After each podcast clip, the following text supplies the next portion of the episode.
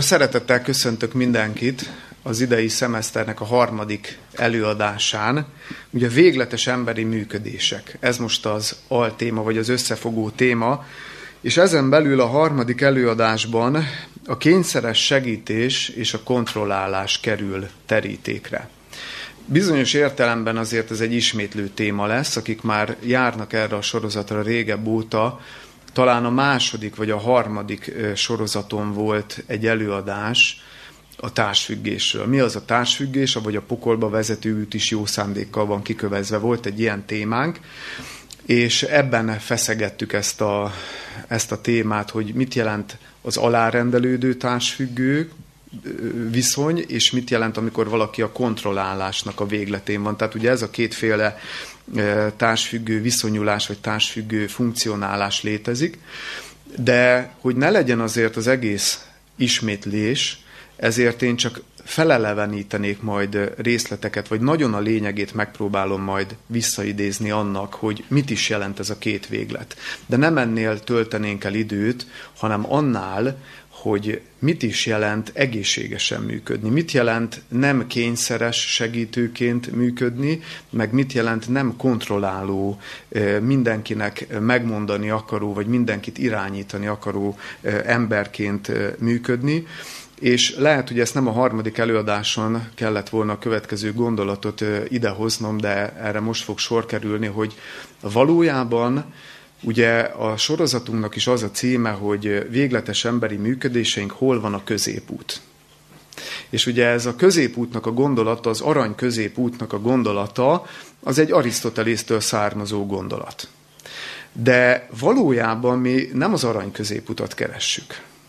Azért nem az arany középutat keressük, mert az arany középútnak a, a lényege az az, hogy most bármilyen végletes viselkedést veszünk, az arany középút az azt jelenti, hogy nem esek túl sok ideig sem az egyik, sem a másik végletbe is, hanem mind a kettőből egy picit. Tehát, hogy megpróbálom úgy megtalálni a helyes egyensúlyt a végletes viselkedések között.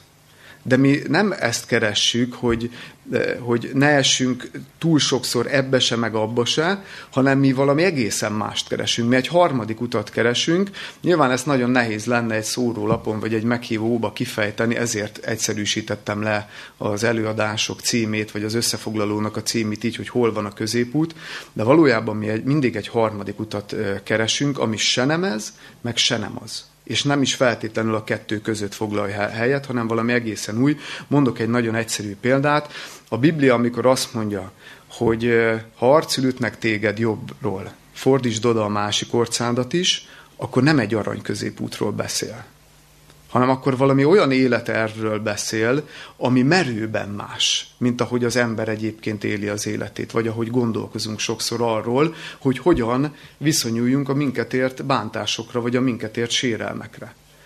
Jó, most ebben nem akarok jobban elmélyedni, de ezt akartam így bevezetésképpen csak elmondani, hogy, hogy erről lenne szó, és arról beszélnénk többet, hogy akkor a kényszeres segítés és a, és a kontrollálás mellett eh, hogyan élhetünk egészségesen, hogyan lehetnek egészséges emberi viszonyaink. Nyilván ezt a téma vonatkozásában fogjuk megvizsgálni, de mielőtt erre rátérnénk, azért nagyon röviden felelevenítenénk, hogy miről szól a kényszeres segítés, mint egyik véglet, és a kontrollálás. Ugye a kényszeres segítésnél rögtön szeretnék idézni egy mondatot, amivel talán a legjobban össze lehet foglalni, hogy egy alárendelődő társfüggő, aki, a, a, ahol mindig hozzá kapcsolódik egy kényszeres segítő szindróma, hogy, hogy ennek mi a lényege. Van egy nagyon jó film, ha a férfi igazán szeret, mindig ebből szoktam idézni egy gondolatot, vagy egy mondatot, ami így hangzik, minden nap, amikor hazajött, egy, fér, egy férj és feleségről van szó.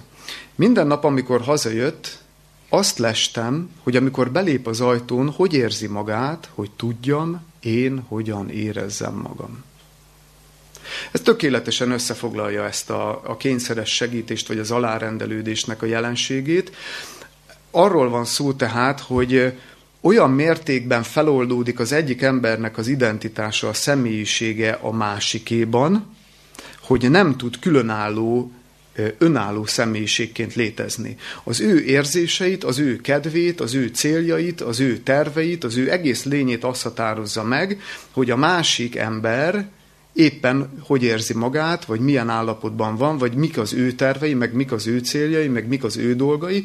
Tehát egy ilyen nagyon-nagyon beteges kapcsolódás jellemzi. Nem csak férj és feleség között alakulhat ki ez. Barát, barát, szülő, gyermek, tanár, diák, tehát nagyon sok kapcsolatban kialakulhatnak ezek a szerepek. Aztán ami még a lényege, és csak ezzel szeretném így ezt be is zárni, ezt a gondolatot, hogy a nevében is benne van, hogy kényszeres segítés. Tehát mi a baj ezzel? Mi a baj azzal, hogy egyáltalán hát arról beszélünk, hogy segítünk? Hát nem ezt tanuljuk, hogy a másik embernek segítsünk, hát mégiscsak az az emberhez méltó. Igen ám, de hogy a nevében benne van ennek a gondolatnak, vagy ennek a viselkedésnek, hogy ez kényszeres. Tehát az indítékok szintjén dől el a dolog, nem pedig a felszíni cselekedeteknek a szintjén, hogy nem az önzetlenség motiválja a jó szándékot, meg a jó tetteket, meg a jó cselekedeteket, hanem valami kényszer hajtja a kényszeres segítőt arra, hogy a másiknak valamiféleképpen segítséget nyújtson, valahogy minden áron ott a közelében maradjon, és, és megpróbáljon segíteni a, a másik embernek. Na most érezhetjük azt, és szerintem mindannyian voltunk olyan helyzetben, amikor egyszerűen azt mondtuk a másiknak a segíteni akarásáról, hogy elég tehát túl sok vagy. Tehát nem, nem, meg tudom én is oldani, ne akarjál nekem segíteni. Én emlékszem arra, amikor hát átmentem én is ezeken a fázisokon, végletből végletbe esve, hol a kényszeres segítségnyújtás fázisában, vagy végletében, hol a kontrollálás végletében voltam, de emlékszem, hogy amikor, a kény, amikor kényszeres segítésben szenvedtem, ami kisebb-nagyobb mértékben azért megfertőzi a jelenlegi életemet is, mert hogy ez nem olyan, hogy egyik pillanatról a másikra eltűnik. De emlékszem arra, hogy amikor én segítettem, akkor az drogként funkcionált. És ez más, mint amikor valakinek tudok segítséget nyújtani, és annak örülök, mert hogy ez egy természetes érzés, hogy de jó, hogy tudtam segíteni, ezzel nincsen semmi probléma, csak van egy érzékeny határ, ahol ez átbillen, és a, a másik, illetve a kényszeres segítő szinte drogként használja a másik embert és a segítést, mert akkor érzi egyedül jól magát. Emlék, vissza tudom idézni ezeket az érzéseket, hogy amikor viszont nem tudtam segíteni, akkor milyen rosszul éreztem magam. Mert ugye ebben benne van, hogy ez egy függőség, társfüggőség, kényszeres segítés, kényszerek irányítják, ez függőség. Mi van akkor, hogyha mondjuk egy drogfüggőtől elvesszük a drogot? Elvonási tünetek jelentkeznek. Ugyan, ugyanez van a kényszeres segítésnél, és ezért probléma, és itt lehet lelepleződni, hogy, hogy tudom azt mondani, hogy most nem segítek, vagy nem tudom azt mondani, hogy nem. Ha valaki nem tudja azt mondani, hogy nem segítek, ha valaki nem tud nemet mondani, most nagyon lesarkítom és leegyszerűsítem a témát, ott azért számolni kell azzal, hogy lehet, hogy nem egészséges a viszonyulásom ebben a témában, vagy ebben a vonatkozásban a másik másik emberhez. És ugye ennek meg törvényszerű következménye, hogy mit csinál a drogfüggő, hogyha elvonási tünetek vannak, szerez drogot. Mit csinál az alárendelődő társfüggő, azaz a kényszeres segítő, hogyha nem tud segíteni, keres drogot, azaz keres egy másik embert, mert nem tudja máshogy jól érezni magát az ő jó létéhez, az ő harmóniájához, az ő kellemes érzéséhez mindenképpen szükséges egy másik ember. És ezzel kiszolgáltatottá és függővé teszi e, saját magát, és emiatt erőszakossá is válhat. Nem durván erőszakos, bár azért még odáig is elfajulhat a dolog, hogy még akár ilyen nagyon, egy ilyen vicces jelenetre emlékszem, hogy valamilyen ilyen rendezvényen, vagy ilyen családi összejövetelen, vagy nem tudom, valamilyen összejövetelen voltam, és próbáltam felnyitni a befőttes üveget, és nem tudtam felnyitni. És rögtön hárman rá, rá, rám rontottak, hogy majd én, majd én, majd én, és mondom, nem, hát megoldom, csak egy kicsit még jobban erőltetnénk, és akkor megszólalt ott egy, igen, ez egy családi rendezvény volt, és megszólalt egy kedves rokonom, hogy Sanyi, hagyjad, úgy, hogyha beledög lesz, akkor is segíteni fognak. úgyse fogják hagyni, hogy, hogy majd te old meg ezt a dolgot. És olyan, Szóval, hogy úgy éle is volt a dolognak, de nagyon igaz is volt. Tehát ilyen értelemben mondom, és ez még csak egy ilyen ártatlan esemény, de azért ez nagyon kellemetlen szituációkba is át tud fordulni, kellemetlen életeseményekbe is. Jó, tehát ez a kényszeres segítésnek a véglete.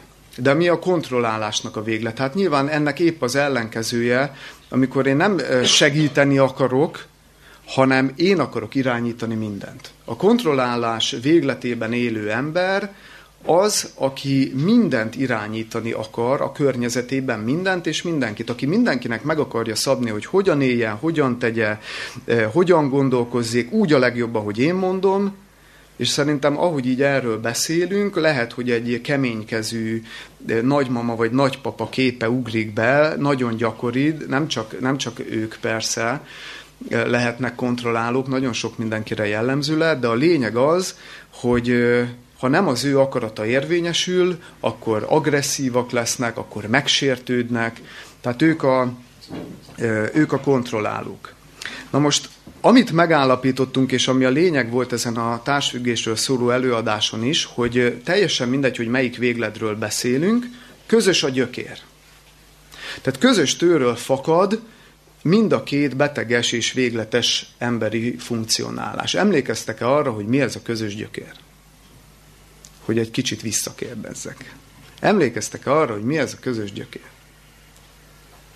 Ez a közös gyökér az önbecsülésnek a fedezése. Tehát az önbecsülésnek a hiánya. Nagyon sok esetben nem állítok fel soha általános szabályokat, de nagyon sok esetben mind a két véglet azért történik, mert így próbálja meg kompenzálni az ember az értéktelenségi érzését, amivel küzdik, az önbecsülésének a hiányát, amikor olyan képet alakít ki magáról, hogy én mindenki jólétéért küzdő személy vagyok, rám mindig lehet számítani, én mindig elérhető vagyok, én mindig segítek, azért nyilván elismerést és dicséretet kapok, és ez egy olyan jó érzés. És ez, ez, ez a motiváció. De a kontrollálásnál is ugyanez van, hogy nyerekben érzem magamat, végre vagyok valaki.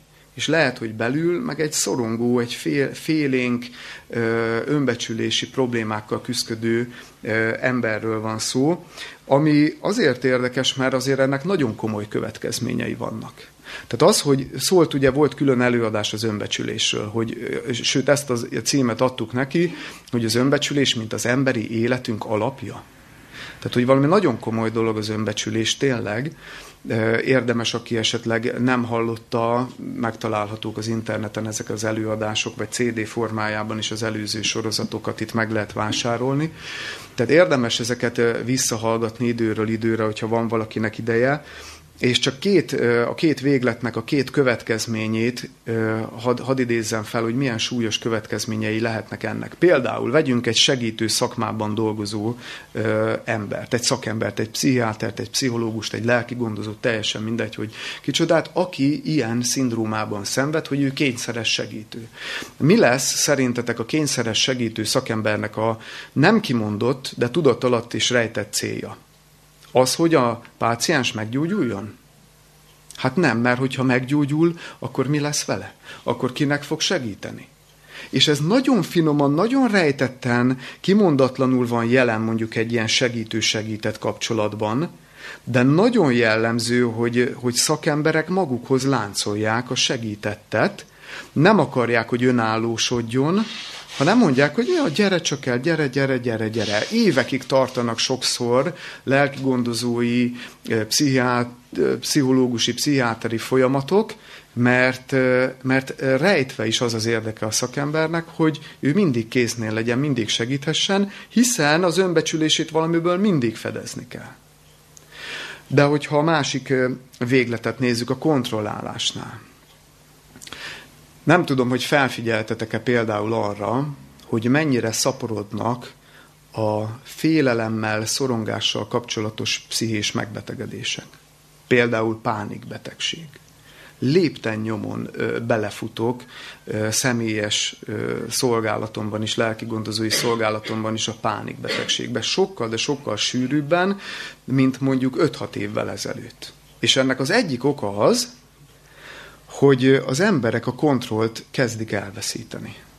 Tehát hogy kicsúszik a kontroll, mert nem tudnak mindent kontrollálni. Nem lehet mindent kontrollálni. Amikor jönnek a különböző hírek, híradások, hogy merre tartunk, hogy milyen civilizációs problémák merülnek fel, vagy gazdasági, vagy politikai folyamatok zajlanak, vagy a természeti folyamatokat, ahogy megnézzük, az emberek alól kezd kicsúszni a talaj, kontrollvesztetté válnak, nem, tud, nem, nem tudják már a gyeplőt a kezükben tartani, mert kezdenek szembenézni azzal, hogy nincs az irányítás a kezükben. És hogy olyan körülmények jönnek, vagy lépnek fel, ami felett nincsen uralmuk. És éppen ezért szaporodnak ezek a típusú betegségek. Tehát ezeknek mind-mind-mind nagyon komoly következménye lehet, de ugye akkor az a kérdés, és majd itt térnénk át akkor az előadásnak a fő gerincére, hogy akkor hol van a, hol van a helyes viszonyulás? Hol van az az igaz egymáshoz való viszonyulás, ami nem csak a felszínen igaz? Mert ha megnézitek, hogy egy kényszeres segítő milyen sokat segít a másiknak, hogy mindig kéznél van, mindig lehet rá számítani. És a felszínen ez egy valóság számunkra, de közben belül meg romlott indítékok munkálkodnak. Te jól tudod, a költő sose lódít. Az igazat mond, ne csak a valódit. Tudja valaki, kitől idéztem? József Attila. Tomás Mann üdvözlése. Te jól tudod, a költő sose lódít, az igazat mond, ne csak a valódit. Ezt keressük mi is az igazat. Hogy lesz nekünk igaz indítékaink a szívünkbe? Hogy kerülnek igaz indítékok, igaz motivációk a szívünkben, ami nem csak a felszínes cselekedeteinket változtatják meg, hanem az egész emberi viszonyulásunkat a másik emberhez? Hova forduljunk? Kit, kit nézzünk meg? Kiről lássunk példát? Kit állítsunk mércének saját magunkat? vagy a szomszédot, vagy a, a szüleinket, vagy kit, kit állít, ki, ki fogja nekünk megmutatni, vagy hogy, hogy találjuk ki, hogy, hogy hogyan kell élni ezt az életet, és hogyan kell egymáshoz helyesen viszonyulni. Ki a példakép, kit vegyünk alapul? Ez a nagy kérdés, ez is egy nagy kérdés, amire választ kell adni, és hát én nem hozhatok mást példaként. Nem hozhatok mást példaként, mint, mint magát Jézust, és Szeretnék négy nagyon rövid mozzanatot kiemelni Jézus életéből. Hogy milyen volt az ő viszonya az emberekhez. Négy nagyon picike, rövid mozzanatot hadd idézzek fel, és ezen keresztül vizsgáljuk meg, hogy hogy igaz-e az ő viszonyulása, helyese az ő viszonyulása, és ha igen, akkor mi az ő titka, és hogyan, hogyan válhatunk mi is olyan emberekké, akik nem egyik végletből a másik végletbe esnek?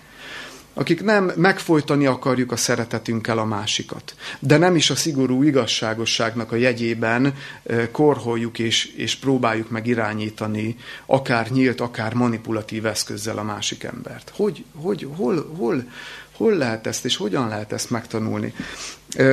És most egy kis interakcióra kérlek benneteket, illetve a figyelmeteket kérem nagyon. Ugyanis ezt a négy, négy apró mozzanatot és jelenetet én egymás után fel fogom sorolni. És van egy kérdés, és ezzel a kérdéssel a fejetekben figyeljétek ezt a négy mozzanatot, ezt a négy jelenetet, és a kérdés a következő, mi köti össze ezt a négy jelenetet? Tehát Jézus viszonyulásában mi az az alap, ami, ami mozdíthatatlan, és ami megadja az egésznek az igazságát és a helyességét. Mi, mi lehet ez az összekötő kapocs? Ez lenne az én kérdésem. Az első jelenetet Máté 19. fejezetéből fogom olvasni, a 21. és a 22. verset, ez a gazdag ifjúnak a története, és csak röviden, mindig csak egy-két igét fogok idézni, és nagyon röviden felelevenítem az előzményeket. Ugye odalép Jézus, hogy Jézushoz egy, egy gazdag ifjú, és azt a kérdést teszi fel, hogy mit cselekedjem, hogy az örök életet, mi jót cselekedjem, hogy az örök életet elnyerjem. Tehát valami jót akar cselekedni. És ott a párbeszédben Jézus elmondja, hogy tartsd meg a parancsolatokat, és elkezdi sorolni. És erre a gazdag ifjú azt mondja, hogy hát mindezeket ifjú koromtól fogva megtartottam. Mi fogyatkozás van még bennem? Hát én már szinte tökéletes vagyok, hát én már mindent tudok, hát van még bennem fogyatkozás. Micsoda? És ugye Jézus itt elmondja neki, hogy hát, és akkor itt kapcsolódunk be a 21-22. versnél, tehát Máté 19, 21-22, erre a kérdés, hogy mi fogyatkozás van még bennem, azt mondja Jézus. Mondta néki Jézus, ha tökéletes akarsz lenni, eredj, add el vagyonodat, és oszd ki a szegényeknek, és kincsed lesz a mennyben, és jár, és kövess engem. Az ifjú pedig e beszédet halván elment megszomorodva, mert sok jószága volt. Gazdag ifjú meghallja, hogy mi fogyatkozás van még benne, ő azt hitte, hogy nem lesz erre válasz. Volt. Nem volt túl jó önismerete. Volt még válasz erre, és megszomorodott, mert nem tudott lemondani a vagyonáról. Most nem akarok mélyen e, időzni ennél a történetnél, hogy valójában Jézus nem azt várta, hogy rögtön azonnal adja el mindenét, de most ezt nem tudjuk így kirészletezni. A lényeg, hogy megszomorodik és elmegy, és Jézus hagyja, hogy elmenjen. Egy. Második idézet. János evangéliuma, ötödik fejezet, ötödik, hatodik vers. János evangéliuma, ötödik fejezet, ötödik, hatodik vers. Ez pedig szintén egy jól ismert történet, ugye a 38 éve beteg, betesdai beteg, aki arra várt, hogy ugye volt egy legenda, hogyha valaki, amikor a szelek felkavarják, ugye, hogy angyalok felkavarják a tónak a vizét, aminek a partján már 38 éve ott fekszik ez a szerencsétlen, nyomorult béna ember, mert azért fekszik ott, mert a legenda szerint, ha először ér a vízhez, amikor a, amikor a szelek, az angyalok felkavarják a tó vizét, akkor meggyógyul. Ez csak egy mendemonda volt, senki nem gyógyult meg. De ő 38 évig ebben a hamis reménységben élt, és ott, ott fekszik, és az ötödik, hatodik vers ebből a történetből így szól. Volt pedig ott egy ember, aki 38 esztendőt öltött, töltött betegségében. És amint látta Jézus, hogy ott fekszik, és megtudta, hogy már sok idő óta úgy van, mondta neki, akarsz-e meggyógyulni? Akarsz-e meggyógyulni? Második jelenet. Van egy 38 éve beteg ember, és Jézus nem rögtön meggyógyítja, hanem megkérdezi tőle, hogy akarsz-e. Micsoda buta kérdés mondhatnánk, hogy ne akarna meggyógyulni. De valamiért megkérdezi Jézus. Második történet. Harmadik történet, Lukács evangéliuma. Érdekes, mind a négy evangéliumból lesz egy-egy mozzanat, nem eh, szándékos volt, csak most nézem, hogy ez így sikerült. Lukács evangéliuma 5. fejezetének a 15.-16. verse lesz a következő. Ez pedig egy olyan eh, jelenet, amikor eh, Jézus éppen gyógyító, szolgáló körúton van, és nagyon sokan meghallják, és keresik Jézust, hogy menjenek elé, és hogy tanítsa őket, meg hogy gyógyítsa meg őket a betegségeikből. És a Lukács evangélium 5. fejezet 15.-16. versében így olvassuk, a hír azonban annál inkább terjedt ő felőle, és nagy sokaság gyűlt egybe, hogy őt hallgassák, és hogy általa meggyógyuljanak az ő betegségeikből. De ő félrevonult a pusztákba, és imádkozott. Ritkán olvasunk ilyen jelenetet. Képzeljétek el, hát Jézusnak, hát nem az volt a dolga, vagy nem azt kellett volna csinálni, hogy hát segítsen az ember. Hát oda mennek elé, hogy gyógyítsa meg őket, meg tanítsa őket, ő meg hátat fordít a sokaságnak, és elmegy, és imádkozik. Még akár meg is botránkozhatunk ezen a történeten. De van komoly oka, hogy, hogy miért van lejegyezve nekünk ez a történet. Jézus nemet mondott. És Jézus megfordult, és elment, és imádkozott. Ugyanakkor, és most jön a negyedik történet, ami ennek pontosan az ellentéte, ez pedig Márk Evangélium a hatodik fejezetében olvassuk. Márk Evangélium a hatodik fejezet 31-től a 34. versig tartó rész.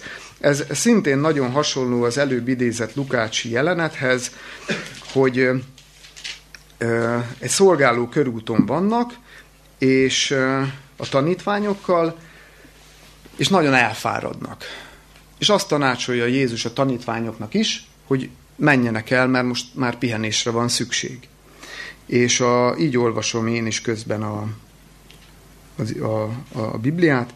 Ő pedig mondta nékik, jertek el csupán ti magatok valamely puszta helyre, és pihenjetek meg egy kevéssé. Tehát, tehát csak a tanítványokat akarta elhívni. Mert sokan voltak a járókelők, és még evésre sem volt alkalmas idejük. És elmentek hajón egy puszta helyre csupán ő maguk. A sokasság pedig meglátta őket, amint mentek, és sokan megismerték őt, és minden városból egybefutottak oda gyalog, és megelőzték őket, és hozzá gyülekeztek. Tehát el akartak menekülni, egy kicsit meg akartak pihenni. Meglátták ezt az emberek, és csődültek. És a 34. vers is, kimenvén Jézus nagy sokaságot látott, és megszánta őket, mert olyanok voltak, mint a pásztor nélkül való juhok, és kezdte őket sokra tanítani. Pont az ellentétét látjuk annak, mint az előzőnél, fáradt, csüggett a tanítványok is, de most nem azt, nem azt olvassuk, hogy félrevonult a pusztákba és imádkozott, hanem azt olvassuk, hogy megszánt őket és kezdte őket sokra tanítani. Négy apró mozzanat, négy apró jelenet. Mi a közös bennük? Mi az a kapocs, ami Jézus viselkedésében mind a négy helyen hangsúlyosan előjön, és az alapja a másik emberhez való viszonyulásának. Van-e ötlete valakinek? Gazdag ifjú. Megszomorodva elmegy. Jézus áll. Nem, nem Szabadság. Nem erőltet semmit, szabadság. Jézus viszonyát az emberekhez a mai napig ez határozza meg többek között. Ez az egyik alappillére, a másik a szeretet és az igazságosság, és a kettő egy, egymás nélkül nem működik, hogy nincs erőszak Jézus viszonyában. Semmilyen erőszakot nem alkalmaz. Nulla százalék van benne. Nincs kényszer, nincs erőltetés, semmi. Se testi, se lelki, se érzelmi. Na most hadd mondjak ellenpéldát, hogy az emberi világban ez azért hogyan szokott működni. Mérgező szülői mondatok. Amíg az én házamban laksz, és az én kenyeremet eszed, addig azt kell csinálnod, amit én mondok. Hol van ebben a szabadság? Szerintem sehol. Ez egy diktatúra. Vagy. De még ez azért még mindig szerencsésebb, mert ez olyan nyílt és őszinte. A, a finom manipuláció, az alig észrevehető manipuláció, az érzelmi zsarolás, az már egy szerintem sokkal keményebb eset. Csinálj, amit akarsz, a te életed. Mondja a szavaival a szülő, de közben minden gesztusával azt fejezi ki a gyereknek, hogy ha nem úgy csinálod, ahogy én, vágyom rá, meg elvárom tőled, akkor azért baj lesz. De a te életed. Mártír. Mártíromság. Csinálj, amit akarsz. Én velem ne is foglalkozzál. Igaz, hogy én neveltelek fel. Ugye? Tehát ott van mögötte ez a gondolat, csak nincs kimondva. De ezt sugalja, és ezt érzi a másik. Ez mind-mind az erőszaknak egyféle faj, tehát egy fajtája. Csak a valódi szabadságon át lehet helyesen viszonyulni egymáshoz. Csak az vezet egymáshoz helyes ö, kapcsolatokra. Ezt egyébként az alkoholisták, a gyógyult és gyógyuló félben lévő alkoholisták már régen felfedezték. Nem azt mondom, hogy legyünk alkoholisták, hogy rájöjjünk erre. De az AA nagykönyvben, tehát az anonim alkoholisták nagykönyvében ez a gondolat a következőképpen szerepel, a jelszó élni és élni hagyni. Élni és élni hagyni. Nagyon-nagyon mély gondolat. Egy példával hadd hozzam közel magunkhoz ezt a gondolatot. Mert ennek, hogy élni és élni hagyni, ez az egymás közötti viszonyunkban sok ezer szint ölthet. Tehát nagyon finoman meg tud ez nyilvánulni. Nagyon sokféleképpen, nagyon sok színűen. Egy barátomtól hallottam a következő gondolatot. Ha szeretsz valakit, engedd el. Ha nem jön vissza, sosem volt a tiéd. Ha visszajön, örökre megnyerted őt. Ha szeretsz valakit, engedd el. Ha nem jön vissza, sohasem volt a tiéd. Ha visszajön, örökre megnyerted őt. Miért? Mert ő fog úgy dönteni, hogy veled akar lenni. Nem te erőlteted a kapcsolatod és magadat rá. Nem te próbálod emberileg megtartani, és, és keretek közé helyezni. Hanem ő dönt úgy, és értéke csak az ilyen kapcsolatnak van. Mert csak ennek van erkölcsi értéke, amikor valaki szabadon dönt, hogy mit akar csinálni. Nincs a kényszerből hozott döntéseknek nincs erkölcsi értéke mert nem szabadon hozta meg az ember. És az, hogy, hogy valakinek a lelkismereti és emberi szabadságát tiszteletben tartom, ennek alapnak kéne lennie. Ezt nagyon sok helyen áthágjuk ma. És nagyon finom eszközökkel. Sőt, a legdurvább áthágása ennek éppen a nagy vallásos jelszavak alatt történik. A szeretetnek, meg az igazságosságnak a jelszava élni és élni hagyni. Más szeretni valakit, és más függeni tőle. Ez ezt jelenti. Más szeretni valakit, és más függeni tőle. Mit jelent szeretni valakit, és mit jelent függeni tőle? Az, hogy mit jelent szeretni valakit, azt ezekben a mozzanatokban láthatjuk. Amikor Jézus hagyta a gazdag ifjút, hogy elmenjen, Hát pont azért hagyta, hogy elmenjen, mert szerette őt, mert nem akarta semmilyen erőszakkal rákényszeríteni arra, hogy maradjon. Azért tudta elengedni.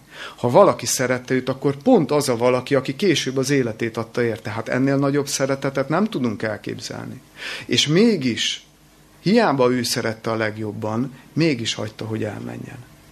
Vagy a betesdai beteget. Hát a szeretet milyen tapintatban nyilvánul meg, amikor a jót sem erőlteti akarsz meggyógyulni? Milyen buta kérdés mondhatnánk. De azért teszi fel Jézus ezt a kérdést, mert a jót sem akarja erőltetni, annak sincsen semmi értéke, ha a jót kényszerből tesszük. Hiába segítek én valakinek, ha azt én kényszerből teszem, annak semmi értéke nincsen. Nem az a szeretet, hogyha én kényszerből segítek valakinek. Hanem valamikor, ha nemet mondok, mert nem kényszerből akarok megtenni, abban nyilvánul meg a valódi szeretet. Mint ahogy a harmadik esetben, ezért idéztem a Lukács 5.15-16-ot, hogy Jézus azért ment és imádkozott, ahelyett, hogy segített volna, mert érezte, hogy az erejének a, a határán van. Tehát mit tudsz adni, ha te magad nem vagy feltöltekezve? Hogyan tudsz segíteni valakin, ha te magad nem vagy rendben? Jézus azért ment imádkozni az atyához, hogy tőle kapjon erőt, mert ugye ő nem akart a saját erejéhez nyúlni, mert ezen át vagy bukott a megváltás. Most ez megint egy olyan gondolat, amit nem tudunk részletezni.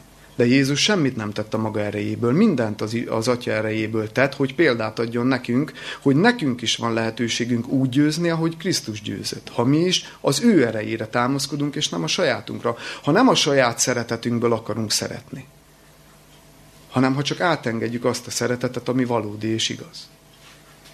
Ezért, amikor valaki nemet mond, az sokszor a szeretetnek a megnyilvánulása lehet, sokkal inkább, mint ha azt mondjuk, hogy igen. De valamikor meg igent kell mondani, mint ahogy ugye olvassuk a negyedik eh, mozzanatban, hogy el voltak fáradva, el voltak csüggedve, de megindult a szíve Jézusnak az emberekkel, azt mondja, megszánta őket, mert olyanok voltak, mint a pásztor nélkül való juhok. És kezdte őket sokra tanítani. Mi úgy vagyunk ezzel, hogy amikor segíteni kéne, nem segítünk, amikor meg nem kéne segíteni, akkor meg segítünk. Tehát mi nagyon ritkán találjuk, hogy mit, mikor, hogyan kell csinálni, és nagyon sokszor felcseréljük a sorrendet. Szeretni ezt jelenti, és ez csak négy nagyon rövid mozzanat volt. Négy kis, kis anyajegy. Mit jelent függeni valakitől? Mert ugye Jézus itt nem függött az emberektől. Ő nem kényszeresen segített, meg nem kényszeresen mondott nemet, meg, nem, meg, meg hagyta elmenni az embereket, de mi meg valahogy úgy viselkedünk, hogy mindig olyan függő viszonyban vagyunk a másik embertől. Ugyanezeken a jeleneteken menjünk végig, hogy hogy reagálna egy kényszeres segítő, meg egy, meg egy kontrolláló, egy irányító típus. Gazdag ifjúnál, kényszeres segítő, menne vele.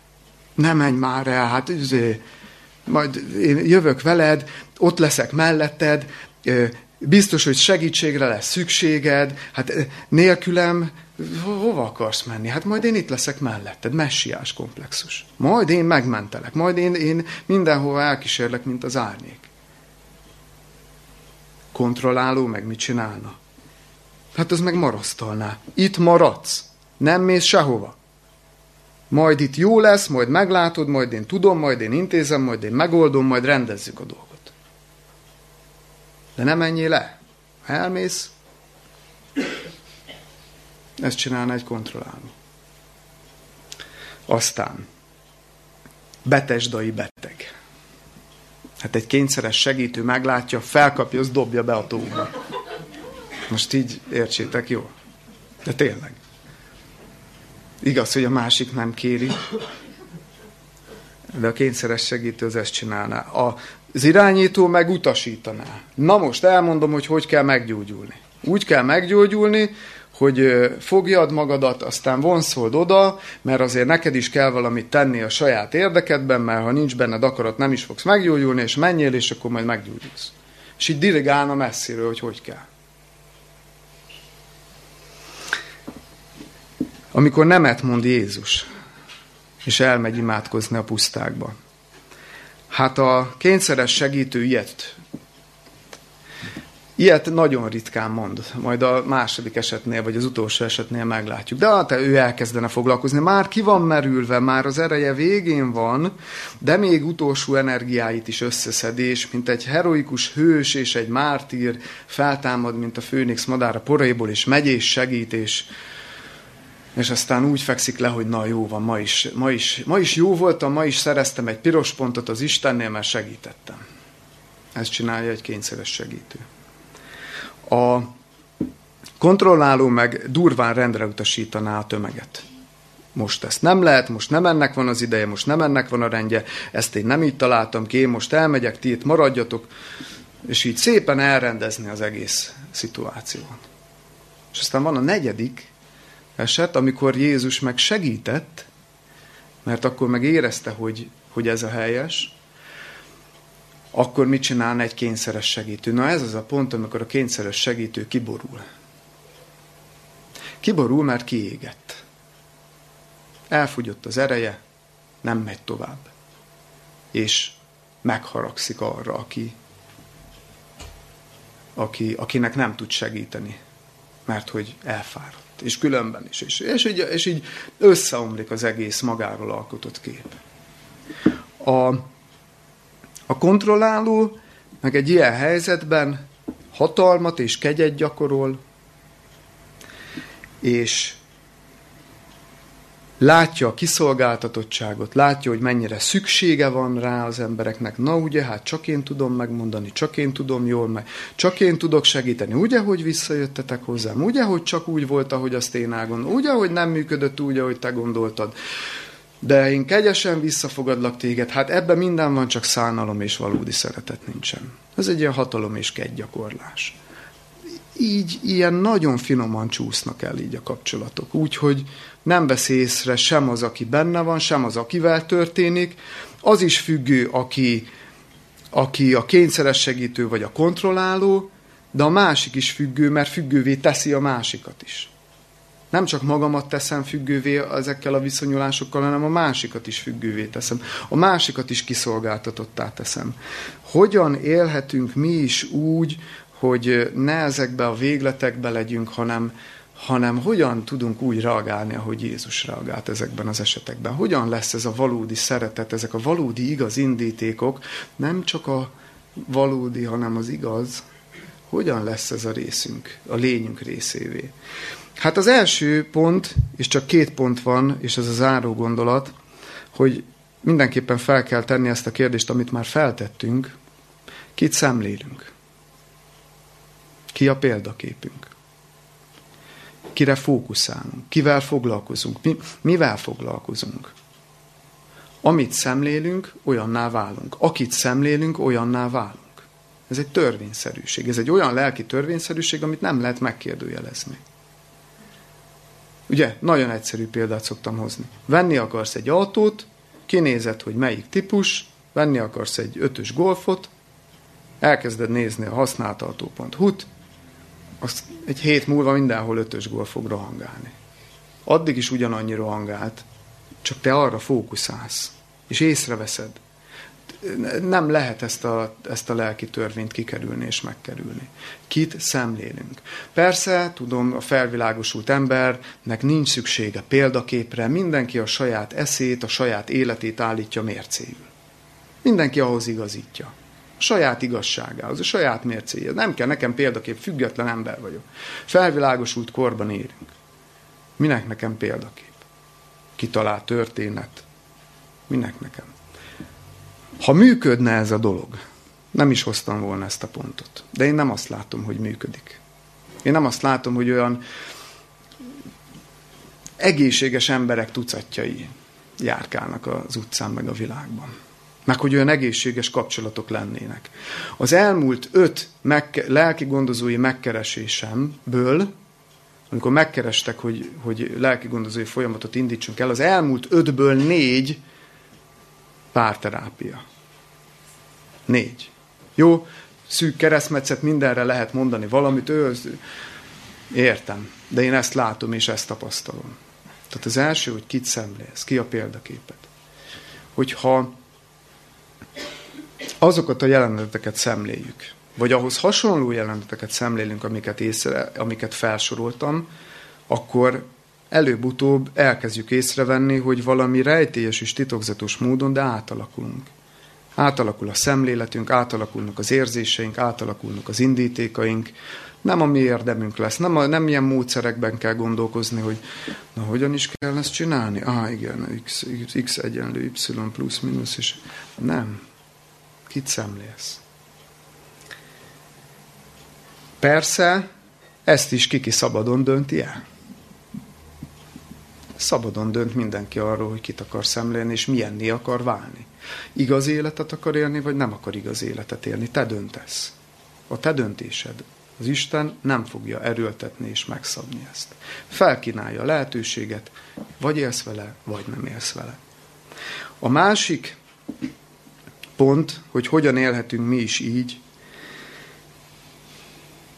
Csak az az ember tud helyesen viszonyulni a másik emberhez, vagy másképpen megfogalmazva, csak az az ember tudja megadni a másiknak a szabadságot, mert ezt a következtetést vontuk le, aki maga is szabad. Csak azt tudja megadni a másiknak a szabadságot, aki maga is szabad. Mit jelent az, hogy szabad vagyok? Azt jelenti, hogy nem kényszerek irányítják az életemet. Megfeleléskényszer.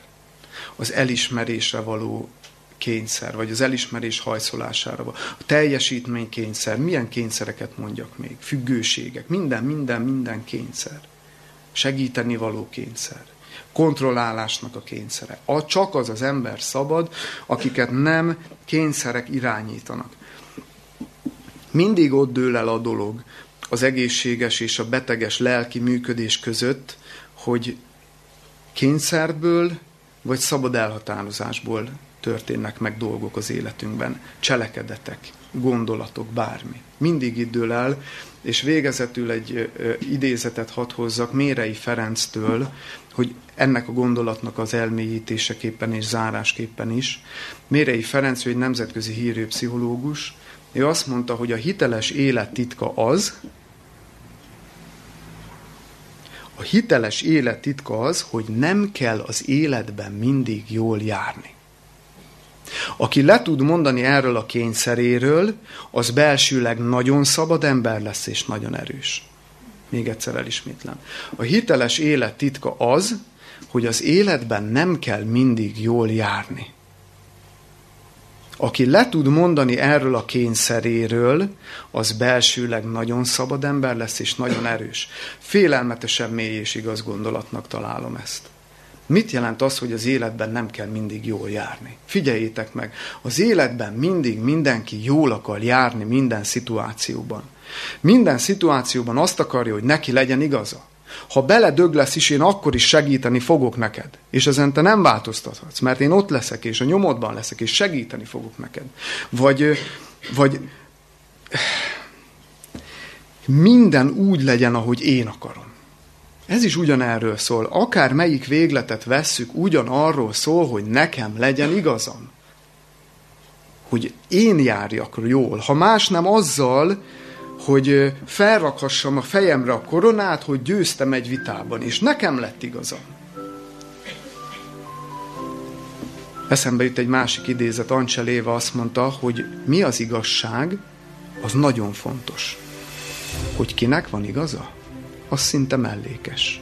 Mégis e körül folyik a vér. Nem? Hogy mi az igazság, az nagyon fontos. Az tényleg fontos lenne megtudni. De azzal senki nem foglalkozik. Hogy kinek van igaza, na azzal annál inkább. E körül folyik a vér. Az emberek ölre mennek egymással, csak hogy nekem legyen igazam. És ez kényszeres.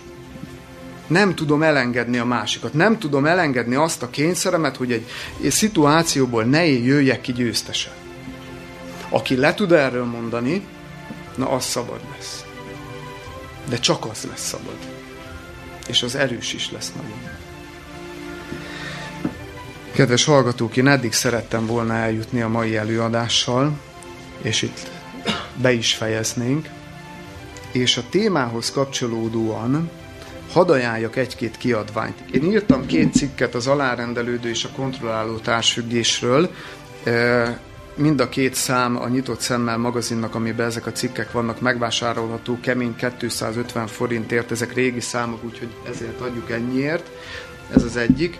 Aztán van egy ilyen kiadvány is, a Szeretet himnusz, ez már azt hiszem az ötödik kiadás, ez a valódi és a hamis szeretet közti különbséget tárgyalja, és, és azt e, irodalmi idézetekkel, e, a Bibliából való idézetekkel, e, különböző nagy gondolkodóknak az idézeteivel e, színesíti az egész tartalmát, és nagyon szépen kibomlik, hogy, hogy milyen a valódi szeretet.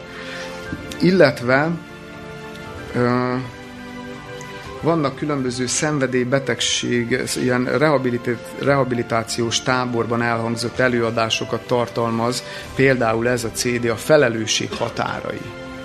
A szenvedélybetegek és hozzátartozóik körében, de nem csak abban a körben igaz.